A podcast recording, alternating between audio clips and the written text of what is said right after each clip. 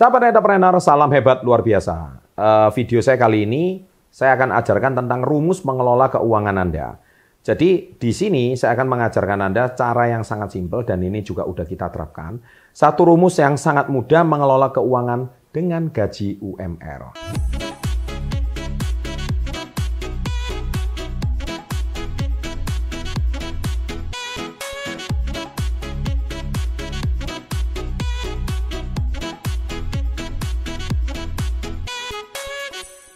Nah, apa rumusannya mengelola gaji keuangan meskipun Anda seorang UMR, Anda tetap masih bisa menabung emas di Tamasya, Anda juga masih tetap bisa menabung saham di KEPM, Komunitas Edukasi Pelatihan Menabung, meskipun Anda UMR. Dari mana saja? Nah ini, saya kasih rumusannya ya. Nah tapi sebelum saya buka rumusannya, jangan lupa like-nya dulu ya. Nah, dengan Anda memberikan like-nya sekarang juga, maka Anda memastikan video ini bisa menjangkau orang yang lebih luas agar mereka lebih cerdas secara finansial. Yang pertama adalah katakanlah UMR rata-rata sekarang misalkan 4 juta. Ya, adalah beberapa kota cuma 3 juta, 2,7. Tapi saya pukul rata-rata 4 juta ya. Saya anggap kenapa? Saya anggap Anda lembur dan sebagainya, dapatlah 4 juta. Nah, sekarang bagaimana cara mengelola 4 juta tersebut? 40% rumusnya namanya 40 30 20 10. Saya ulangi ya, rumus 40, 30, 20, 10.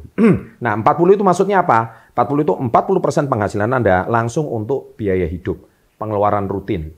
Ya, Anda untuk menafkahi istri, anak, dan sekolah 40%. Itu saya yakin pasti cukup. Nah, tetapi sebelum saya bahas ke 40% ya, nomor satu ke 10% dulu. Ya, nomor 10, 10% itu pastikan Anda nomor satu itu untuk apa? Untuk amal. Amal ini bisa luas ya, bisa untuk sedekah, bisa untuk zakat, ya bisa juga untuk sesuai agama dan keyakinan Anda.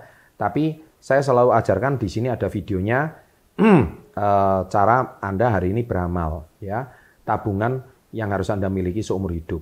Nah, di situlah yang sangat penting. Jadi cara sedekah yang paling bagus saya ulangi nomor satu itu adalah ke orang tua, ya sedekah nomor satu. Kalau orang tua Anda itu tidak disantuni atau tidak dinafkahi orang lain, syukur-syukur orang tua Anda masih bisa menafkahi dirinya sendiri Nafkah yang kedua itu adalah yaitu sedekah yang kedua yang paling bagus itu adalah ke fakir miskin, yatim piatu, ya, atau mungkin ke rohaniawan agama, ya, mungkin kalau di masjid mungkin seperti kayak marbotnya begitu, penjaga masjidnya, ya itu Anda bisa menyantuni. Nah yang ketiga adalah amal yang paling bagus itu baru ke tempat ibadah. Jadi tempat ibadah itu nomor tiga menurut saya. Ya nomor satu. Kenapa tempat ibadah itu yang sedekah banyak? Tapi kalau orang tua Anda yang sedekah cuma Anda sendiri. Jadi oleh sebab itu orang tua milik Anda sendiri harus dijaga dengan baik. Ya.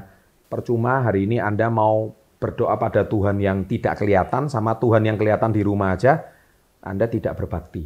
Nah, itu prinsip hidup saya. Oke? Jadi Anda tidak setuju itu urusan Anda, tapi kalau Anda setuju, jangan lupa like-nya video ini.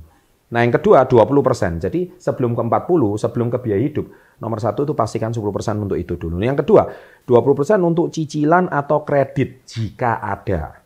Ya, jadi saya tidak menggalakkan Anda untuk hidup berdasarkan cicilan atau kredit jika ada. Kalau tidak ada berarti perbesar tabungan.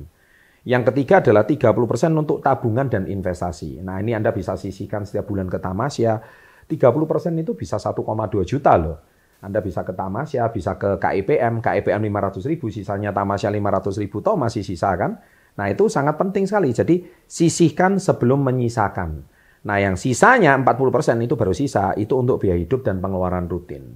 Makanya oleh sebab itu, rumusan ini jangan dibalik-balik. Jangan 40% eh, kebalik ya, 10% itu wajib amal itu untuk memperancar rezeki Anda, ya 20%, 30%, 40%. Jadi rumusannya jangan kebalik ya, Jangan 40% dulu, kadang Anda biaya ini, biaya ini, ini, Anda lupa sampai amalnya.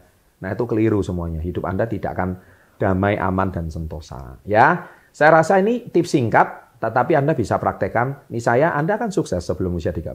Sukses untuk Anda, salam hebat luar biasa.